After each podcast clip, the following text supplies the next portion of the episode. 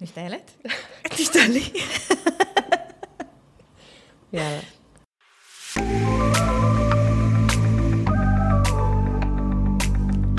שלום, אנחנו ריאורג, פודקאסט שבועי אקטואלי על טק. אני תור צוק, שלום דוקטור מיכל וקרת וולקין. שלום. מה העניינים? בסדר, מה שלומך, תור? טוב מאוד. ויש לנו גם עורך, נבות וולק הגדול, השבוע יש אה, עליו אה, גם אה, אקטואליה, נגיע לזה בסוף. אנחנו נדבר היום על מה קורה בפייסבוק ומה חדש ברכב האוטונומי, בעולם הבטריות. זה הסוויט ספוט שלך, את תספרי לנו הכל.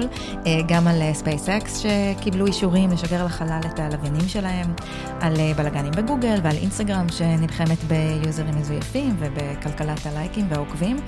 אבל אולי נתחיל בפינה האהובה עלינו. איפה את מסתובבת? איפה הסתובבת השבוע? טוב, אני... באמת כולם שואלים איפה אני מסתובבת. אה, אז אה, יש לי שבוע עמוס בדרך כלל, והתחלתי אותו יום ראשון בבוקר, אה, בדרכי במונית לתוך תל אביב, וחשבתי, וואי, לאן, מה אני אספר לאן אני הולכת, ואז המונית עצרה בפינה של הרצל ולילינבאום, והיה בחזית בניין נורא יפה, וכזה מתחם של קולינריה, ואני לא הבנתי מה זה. מסתבר שהגעתי למקום הנכון, זה היה בניין של סטארט-אפ, Central, mm-hmm. ואני אשמח uh, לספר מה ראיתי שם. מי שלא יודע, מיכל היא מנכ"לית אה, ליר בישראל, והיא נטועה עמוק מאוד בתוך ה ecosystem, ובאמת מדי שבוע את מביאה לנו דיווחים ממקור ראשון, מהכנסים הכי מעניינים, אה, ומכל מה שיש להייטק הישראלי להציע, ו Start-Up Nation Central הם ארגון מאוד מגניב, אני עובדת המון עם ה database שלהם. נכון. שהוא ממש, הוא מדהים, בעצם... הם ממפים את, ה, את, את סצנת הסטארט-אפים הישראלית, זה נכון? כן, להגיד? זה חלק מהתפקיד שלהם. מה שהם עושים, ולפי ההגדרה שלהם באתר, הם יוצרים את האור שבקצה המנהרה. הם מחברים בין הצורך לפתרון, כשישראל מוגדרת בתור הפתרון. בישראל יש אה, אלפי סטארט-אפים שעושים חדשנות בכל מיני תחומים, ומה שהם עושים, הם מוצאים את הצורך, הם מתקשרים או יוצרים אה, שיתופי פעולה עם חברות אה, בינלאומיות מכל העולם. בעיקר כאלה שאין להם נציגות בישראל, והם בעצם מבינים מה הצרכים שלהם בחדשנות ומחברים אותם לסטארט-אפים הישראלים. מגניב, והם ארגון, הם, מה, הם עמותה? הם ארגון להם? אז הם, אה, כן, הם אה, עמותה, ארגון non-for-profit, לא למטרות mm-hmm. רווח. אה, האמת היא שהסיפור שלהם הוא מאוד מעניין, כי זה מבוסס, הוא התחיל בספר Startup Nation, שנכתב ב-2019. כל מי שעשה אי פעם עסקים עם, עם יהודים, יודע שזאת מתנה מעולה. להביא, נכון. להביא לפגישות. נכון, אז זה ספר שנכתב על ידי דן סינר ושאול זינגר, mm-hmm. שמספר על המירקל של ישראל, על, על הקסם הזה שנקרא ישראל, שתוך 60 שנה בעצם הצליח, הצליחה להיות מעצמת אה, הייטק. אה, זה עם שסבל, זה עם של מהגרים, זה אה, עם שמבוסס על חריצות וחוצפה ויכולת להשיג את הבלתי אפשרי. הפרק הראשון מתחיל עם ריאיון בין שמעון פרס ושי אגסי, הרבה context על Better Place, mm-hmm. בתקופה שהיא עוד הייתה גדולה. מאוד מעניין, הייתי ממליצה למכור את הספר למי שלא קרא, או לפחות להלל בו. אבל נחזור לארגון, הארגון הזה הוא... אה, למעשה אה, הקים בארץ Start-Up Nation Finder, שזה database שמכיל את כל הסטארט-אפים, גם כאלה שב stealth mode שעוד לא שמעת ולא ראית. אז אם אתה, אם אתה founder, אז תדאג שהשם שלך יופיע שם. ואם אתה חברה בינלאומית גדולה, אז התחומים שהם מסתכלים לעזור להם גם מבחינת אה, אה, אה, תקציבית וגם מבחינת לארגן כנסים ולהביא באמת multinationals מכל העולם, אז הם ביוטק ואגריטק והם עובדים הרבה עם בנקים וחברות ביטוח, הם, הם לא יעבדו עם גוגל או פייסבוק או מייקרוסופט, כי כבר יש להם פה מן הסתם R&D centers, אבל הם כן יביאו את החדשים שעדיין לא הגיעו, והם בעצם מנסים לתחזק את השם הזה של ישראל בתור מרכז חדשנות עולמי. אה, הבניין מקסים, דרך אגב, הם עברו לבניין חדש, ובגלל זה ככה אני מאוד נלהבתי. אה, הוא עוצב, אה, על ידי אחד המעצבים הבולטים פה בארץ, בלי להיכנס לשמות, איתן קימל, ובחזית שלו יש מסעדה, שהיא עכשיו בהרצה על ידי עובדי ה Start-Up Nation Central. ובעצם המסעדה הזו מסעדת חדשנות, הם מגדירים אותה, וכל כמה חודשים מתחלף השף. אז נראה מבטיח, לא ניסיתי, אבל uh, כדאי... לדעתי הישיבה הבאה של, ה... של צוות התוכנית צריכה להיות אה, לגמרי. שם. Uh, וואו, טוב, נשמע מדהים. האמת שזה ארגון שעושה באמת עבודה uh, מעולה. אני uh, מוצאת את עצמי נכנסת ומשתמשת בסטארט-אפ פיינדר שלהם, גם היום, גם לפעמים אפילו על חברות שאני ככה עובדת איתן, עושים עבודה ממש מעולה וממש חשובה לכלכלת הסטארט-אפים הישראלית. אה, כן, האמת היא שהם ארגנו לאחרונה כנס של IoT יחד עם Grow Ventures והביאו באמת מראשי ה-IoT, Industry 4.0 ו-IoT בעולם, אה, חברות יצרניות ענקיות וחברות שבעצם אה, יכולות להפוך את התעשייה הישראלית, שהיא יחסית קטנה, אנחנו לא מדינה יצרנית, mm-hmm. לתעשייה שהיא הרבה יותר חדשנית, ולהשתמש בטכנולוגיות שקיימות בארץ במפעלים הענקיים שלהם. מדהים. את רוצה שנדבר קצת על פייסבוק? כן. אז תשמעי, ההצהרות שם אה, לא נגמרות, אה, שבוע שעבר היה שבוע ככה מאוד אה, קשוח בחיים של החברה, אחרי שהניו יורק טיימס פרסמו כתבה ממש מדהימה, על איך פייסבוק התמודדו עם השימוש לרעה בפלטפורמה שלהם, והתגובות ההיסטריות של ההנהלה שם, וככה מתחילים, מתחילות לצוץ שמועות על חוסר סולידריות בהנהלה, והשיא היה שבניו יורק טיימס באמת דיווחו שהם שכרו איזה חברת PR מפוקפקת, כדי שבגדול תפעל. בדיוק באותן שיטות אה, מפוקפקות בכל מיני אתרים אה, קונסרבטיביים, ותפיץ שקרים על אה, מקורות מימון של קמפיינים, של הקמפיינים נגד פייסבוק וכל מיני כאלה, באמת דברים מזעזעים. אני חושבת שבסיפור הזה יש שני דברים שצריך לשים אליהם לב. אחד, זה הכוח והחשיבות של עיתונות מסורתית. ניו יורק טיימס מפציץ החודש, לפני זה הם פרסמו את, התחקיר על גוגל, שגרם לעובדי ועובדות גוגל אה, לקום ולצאת ולמחות על אה, המדיניות של החברה בנושאי התמודדות עם מטרידנים מינית והטרדות מיניות בתוך כותלי החברה. בקיצור, עיתונות מסורתית שלפי כל התחזיות הייתה אמורה להיות מתה עכשיו, נותנת פה קונטרה ככה יפה מאוד לכוח של הביג טק ומוציאה החוצה סיפורים מאוד מאוד משמעותיים שכנראה לא היו יכולים אה, לצאת אה, לא על ידי גופים ככה עם גופי תחקירים אה, רציניים ותקציבים, וככה מעניין מה יהיה עם זה, כי זה באמת עולם, עולם הולך ו, ונעלם, הם מהווים ככה משקל נגד, יחד, כאילו מן הסתם עם גופים ממשלתיים ורגולטוריים שמנסים לרסן את הכוח של ביג טק, מעניין לשים לב לזה. העניין השני זה שהסיפור האמיתי פה בעיניי זה איך באמת אנשים עם כוח מתמודדים עם צרות, וכשאנשים שיכורים uh, מכוח שעושים uh, טעויות, ובמקום uh, לעצור רגע ולבדוק איפה טעינו, הולכים עד הסוף ואוספים חומרים עם מתלוננות, כמו שראינו פה במקרים בארץ, או הולכים לטנף על מי שמצביע על הבעיה, כמו ש... כנראה לפי הפרסום מרק צוקרברג אה, בחר. ושאלה, בוושינגטון פוסט התפרסם מאמר מאוד חריף שקורא לו אה, ללכת הביתה, שאומר שבאמת כמו הסיסמה המפורסמת שהוא טבע, לזוז מהר ולשבור דברים. החברה הזאת, אה, ככה לפי המאמר הזה, הפכה למפלצת מאוד אה, שבורה, ו, ולצוקרברג אין את הלידרשיפ. אה, שנדרש בשביל, אה, בשביל לתקן את mm-hmm. המצב, והציבור והמשקיעים אה, מתחילים להגיד שזה ככה פשוט גדול עליו, ואם הוא לא הולך הביתה, אז שלפחות יוותר על אחד התפקידים, הוא הרי עכשיו בתפקיד כפול, הוא גם מנכ"ל וגם יו"ר הדירקטוריון, וחברה בסדר גודל הזה, מסתבר, צריכה פיקוח שהוא אמיתי, ודירקטוריון שהוא חזק והוא עצמאי, הוא מחזיק היום 60 אחוז מפייסבוק, ובתכלס הוא יכול לעשות בחברה הרי מה שהוא רוצה, אה, שזה די שינוי מהסנטימנט שככה אה, היה בהתחלה עם היציאה של הכתבה, שבעיקר זרק את האשמה על שריל סנדברג, אה, וכולם ככה מחכים לראות אם הוא יזרוק אותה under the bus, או שהם בכל זאת יגלו סולידריות, כי אני... הם בכל זאת צוות שהולך uh, way back.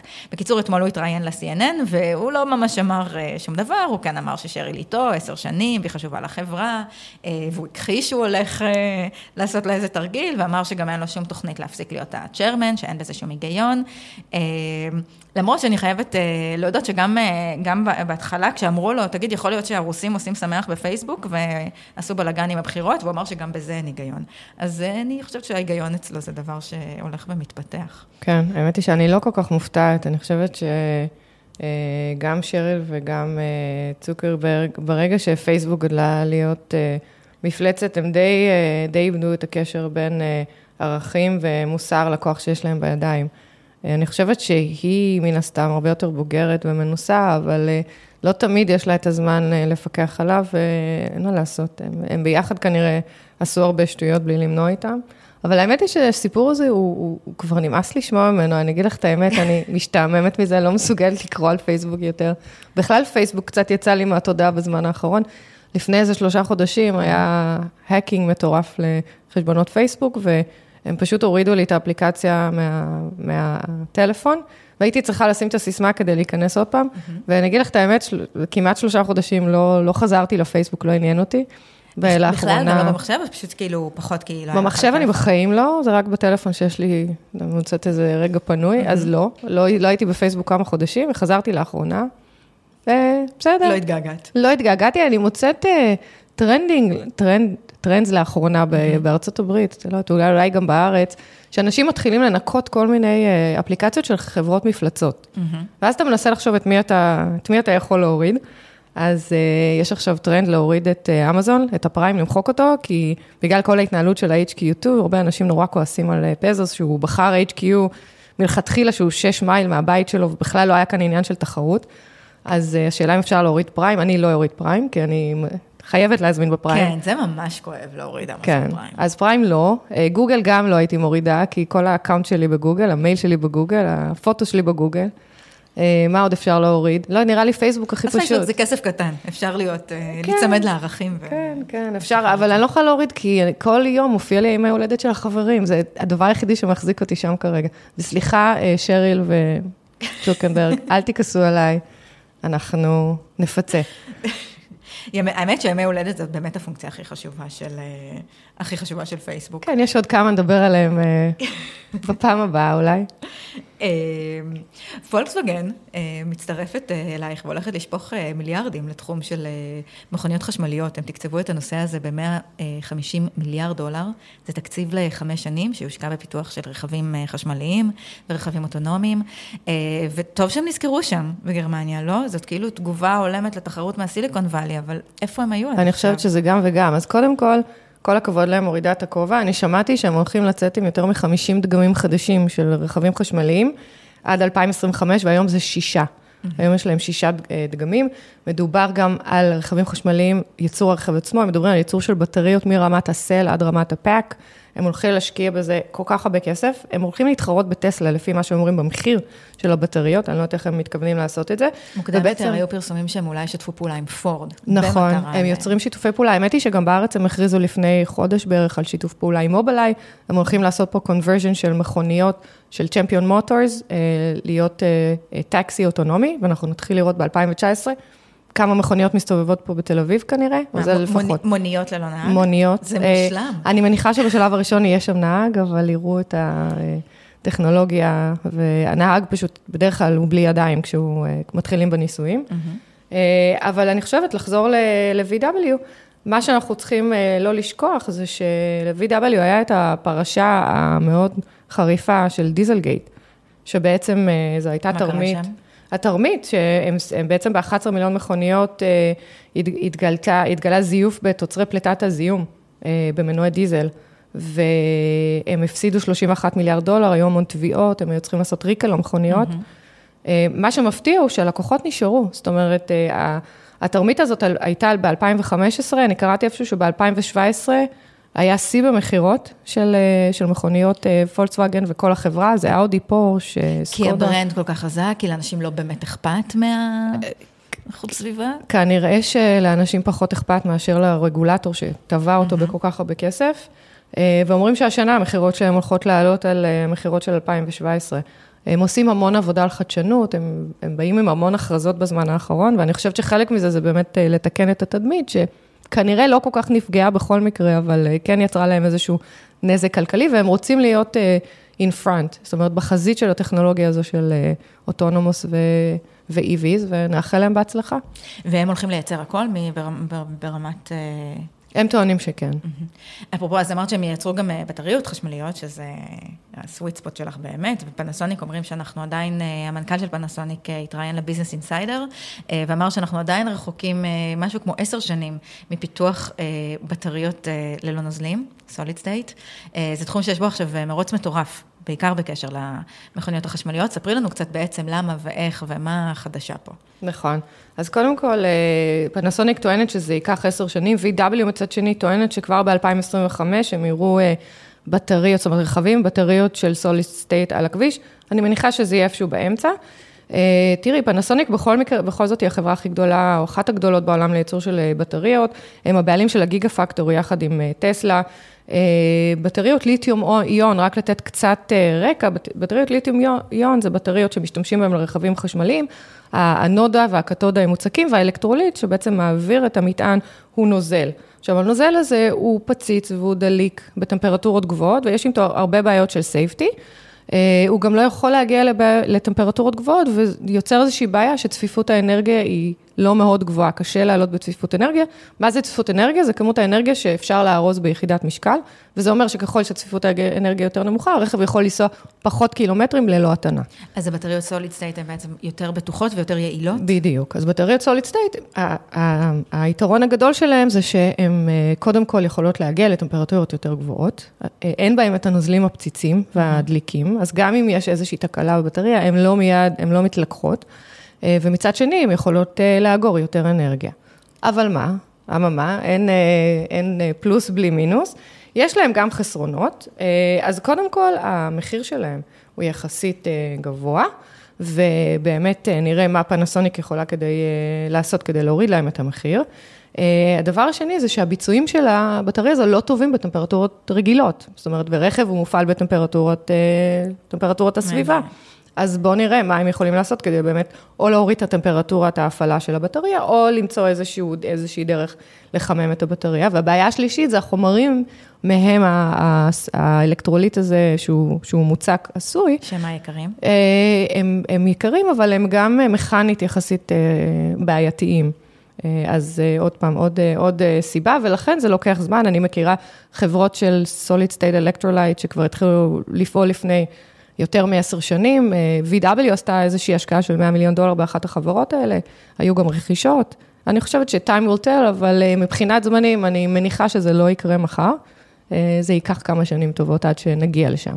זהו, כי יצרנים אחרים ככה הצהירו שזה הולך לעבוד בין 2020 ל-2025, ופתאום פנסוניק ככה כן. מורידים לנו. אבל פנסוניק זה תמיד טויוטה, עם פנסוניק הם מאוד מאוד קונסרבטיביים בהצהרות שלהם, אני זוכרת שהם בכלל לא רצו לעבור לבטריות ליתיום-איון עד שבוע בערך לפני שיצא הרכב שלהם עם בטריות ליתיום-איון, אז הם שומרים את ההצהרות שלהם לעצמם, אני לא הייתי הולכת רחוק עד כדי כך, אבל איפשהו באמצע בין ההצהרות שהבטריה הזאת תהיה בחוץ ב-2020, לבין מה שהם טוענים, שזה ייקח עוד עשר שנים.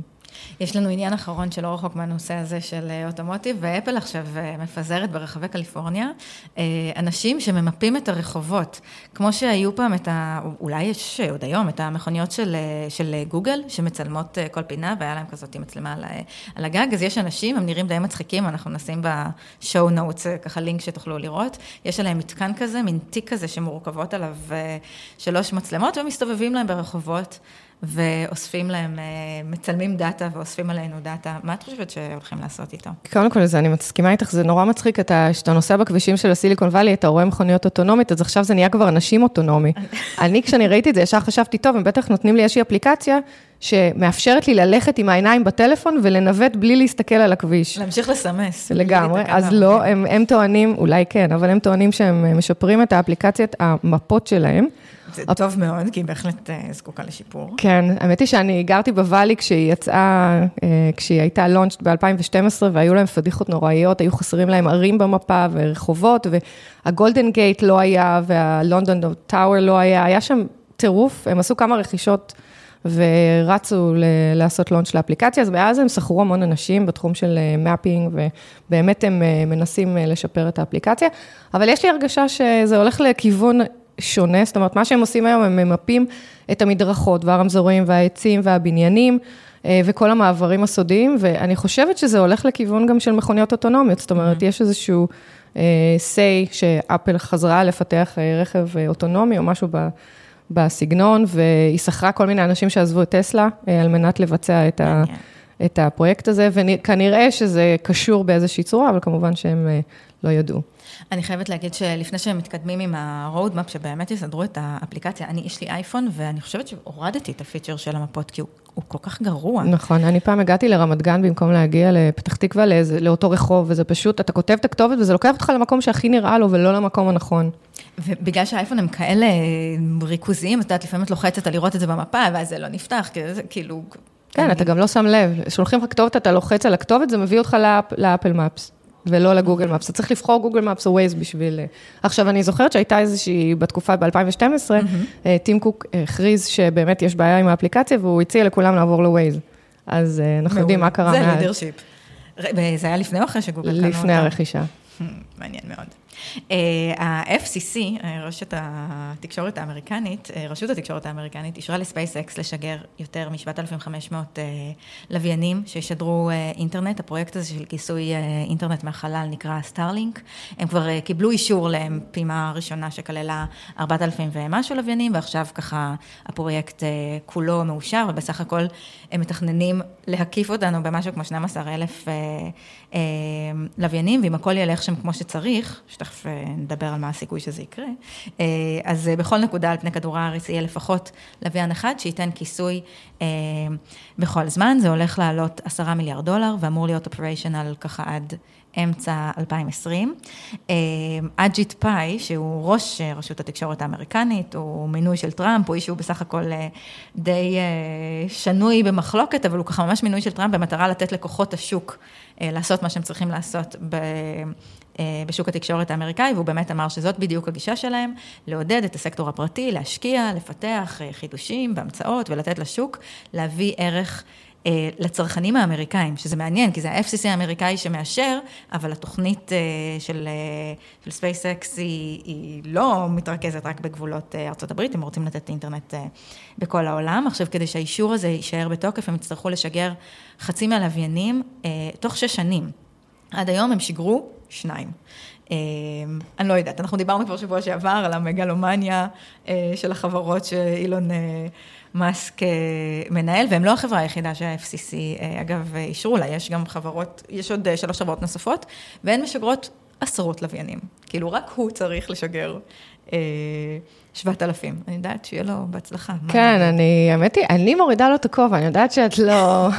אני פה בתפקיד הציני. קטנת אמונה. אני אומרת שיום אחד...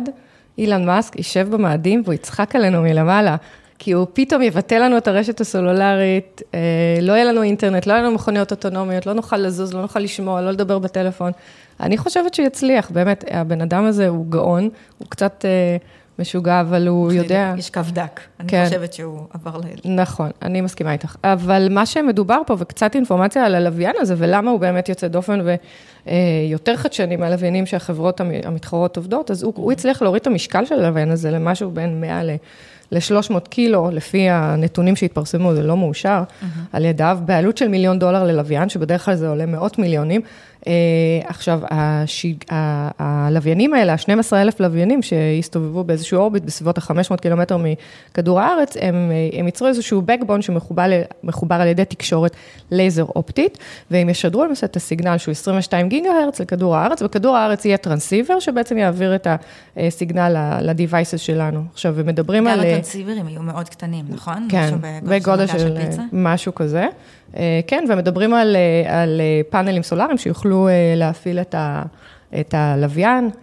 יש כאן, אני חושבת, החדשנות הכי גדולה היא באמת להוריד את המחיר ולייצר ב mass production את, את הדבר הזה. והדבר השני זה לנסות להנחית את הלוויינים האלה לכדור הארץ בחזרה, או לדאוג שהם לא יתנגשו אחד בשני. יש כאן הרבה בלאגן שעוד ייווצר, אבל אני חושבת שה vision הוא, הוא פשוט מדהים. כן, ב vision הוא מדהים. זה, את, זה אני, את זה אני אתן לך. אמ, דיין גרין עוזבת את אה, תפקידה כמנהלת ה-Cloud Computing, אה, Computing Business Unit של גוגל, בעצם מנהלת את כל עסקי הענן אה, של גוגל. היא בכירה מאוד בחברה, וככה אישה עם רקורד מאוד מרשים, היא זאת שרקמה את העסקה עם הפנטגון, זאת שהעובדים ירתו ועשו בלאגן, מה שמכונה פרויקט מייבן, גוגל הייתה אמורה הרי לספק טכנולוגיית בינה מלאכותית, לפענוח של... של וידאו, שבין היתר יכלה לשמש גם לתקיפה של אה, רחפנים אה, מרחוק, ועל זה ככה סביב העסקה הזאת היה ברדק מאוד גדול, עובדות ועובדים, 4,000 אה, עובדות ועובדים חתמו על עצומה נגד העסקה, והיא הגיבה ככה, היא ממש הגיבה ככה ב... בביטול, אמרה זאת בסך הכל עסקת חידוש קטנה, חוזה של 9 מיליון דולר, שבמונחים של ה business הזה זה לא איזה big deal, ובאמת לא צריך לעשות מזה big deal. הם בסך, בסך הכל ה revenue של הגוגל, של של גוגל מהענן בשנה האחרונה היה סביב המיליארד אה, דולר, הייתה לה עוד הסתמכות אה, יחצנית, סוג של, כשהיא הייתה מהבכירים האחרונים שביטלו את ההשתתפות שלהם בוועידת Future Investment בסעודיה, זה קרה ככה זמן קצר אחרי ההיעלמות של ג'מאל חשוקג'י. ודיין גרין היא לא רק אני לא יודעת להגיד אם היא שנויה במחלוקת, אני חושבת שלהגיד את זה, זה קצת לעשות לה עוול, היא גם, היא סופר סופר בכירה, היא הייתה מייסדת והמנכ"לית של אה, VMware, היא הגיעה לגוגל, אה, בעצם לאלפאבית לפני שלוש שנים, כשקנו את הסטארט-אפ שהיא הקימה ומנכלה, אה, ולדברי היא הולכת לחזור לעולם הזה, להשקיע ולתמוך בפאונדריות נשים. שזה... נהדר. מיד נותן לה מלא נקודות. אה, יחליף אותה אה, מישהו מאורקל, הם התחלפו בינואר, אבל היא נשארת בבורד של, אה, של אלפאבית, של החברה האם של גוגל. כן, והיא סוגרת ככה שלוש שנים די סוערות בחטיבת הענן של גוגל, שצריך להגיד שזה מוצר שלא מוביל את השוק, וגוגל לא כל כך מכירים מה זה להיות מוצר שלא מוביל את השוק ולא מיד, אה, ככה לא מיד אה, מנצח. אני צריכה להגיד פה, אה, לתת גילוי נאות, אני עובדת בחטיבת הענן והבינה המלאכותית של מייקרוסופט, ויש בינינו תחרות. אגב, פרשנים אומרים שמייקרוסופט תופסים דווקא את גוגל. כמתחרים האמיתיים בעניין הזה, ולמרות שכרגע אמזון הם מי שמובילים את, ה, את השוק של הענן, אבל מייקרוסופט, לפי הפרשנויות האלה, רואים בגוגל את המתחרים האמיתיים, בתור חברה שהיא חברת טכנולוגיה. אה, ולאו דווקא את אמזון, שהם בסופו של דבר אה, חברת אופרציה שנכנסה אה, לעסק הזה, למרות שאני לא יודעת, אני למדתי שטכנולוגיה לא תמיד מנצחת ביזנס ולא תמיד מנצחת עסקאות ולא תמיד מנצחת שוק, אבל כן, זה הסיפור עם ה... היא, כן, היא אישה מאוד מרשימה, דרך אגב, אני שמעתי לה וראיתי אותה בסיליקון וואלי מדברת, אני לא דואגת לה, אני מניחה שהיא בטח תמשיך להיות יזמת, תעשה הרבה עבודות שבסופו של דבר ישרתו אותנו, וגם אם היא לא תהיה בראש גוגל, היא כנראה באמת אה, נתקלה בקשיים והרבה פוליטיקות שלא תמיד אנחנו יכולים להבין אותן, כי זה נשאר איפשהו למעלה. אה, נראה אותה, נמשיך לראות אותה. כן, ו founderיות נשים מרוויחות, היא תתפנה לתמוך בהן. שזה על הכיף. טוב, נביא אותה לישראל בקרוב. יאללה. שנעבור לדבר על Night Sight, על ה feature החדש, כן, בטלפונים של, של גוגל, בפיקסל, שמאפשר לצלם תמונות מאוד יפות בלילה ובמקומות uh, סגורים וחשוכים. Uh, זה הכל סופטוור, uh, זה כבר אמור להיות זמין למי שיש לו פיקסל. לי יש אייפון לצערי, uh, ואני רק uh, ראיתי ככה דוגמאות לתמונות מהממות, ככה בעיתונים ובאתרים שסיקרו את זה, וזה באמת נראה מדהים. Uh, וזה הכל סופטוור שמחכה בעצם את מה שקורה בחשיפה ארוכה, שמשאירים את העדשה פתוחה ונותנים ככה להרבה... Uh, אור להיכנס, אז כאן מה שהפיצ'ר הזה בעצם עושה, זה לוקח הרבה תמונות ואיכשהו אלגוריתם עושה איזה קסם ומרכיב אותן ביחד, כשהאזורים החשוכים ככה הופכים להיות אה, אה, מוארים יותר, אז עדיין צריך להישאר יציבים, כמו בחשיפה ארוכה במצלמה אמיתית, אבל ממש פחות, צריך לתת שם איזה שנייה נגיד של אה, יציבות, אה, וזאת הסיבה שזה עובד ככה הרבה פחות טוב על אה, אובייקטים אה, שזזים. יש שם אה, עוד תכונה שהם ימנו את האלגוריתם שלהם לעשות white balance נכון, גם בתנאי תאורה אה, גם בתנאי תאורה גרועים, white balance זה מה שעושים כדי לכוון את הצבעים במצלמה, מראים למצלמה משהו לבן, ואז בעצם אומרים לה, תראי, זה לבן, ובואי תתאפסי ככה על כל הצבעים אה, בהתאם, אז בחושך זה כמובן הרבה יותר קשה. אז החבר'ה בגוגל אה, הזינו באלגוריתם שלהם המון המון תמונות של לבן בחושך, לפני ואחרי, אחרי התיקון. אה, וגם אם זה אמורות להיות אה, תוצאות מרשימות.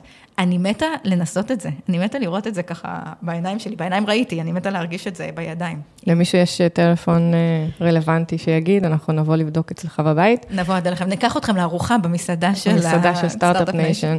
כן, האמת היא שזו טכנולוגיה שאני מתפלאה שאחרים עדיין לא הוציאו, באמת, זה, זה מאוד חדשני, אבל זה, זה תחום שהוא חזק מאוד ב image processing, שבו אתה יכול אפילו לקחת תמונה סליחה, תרגום אנגלית, לצלם תמונה ב-2D ולתרגם אותה ל-3D. המחשב יכול ללמוד את הסביבה של האובייקט, ובעצם סוג של לנחש איך, איך התמונה נראית ב-3D, או איך, איך, איך התמונה נראית בחושך.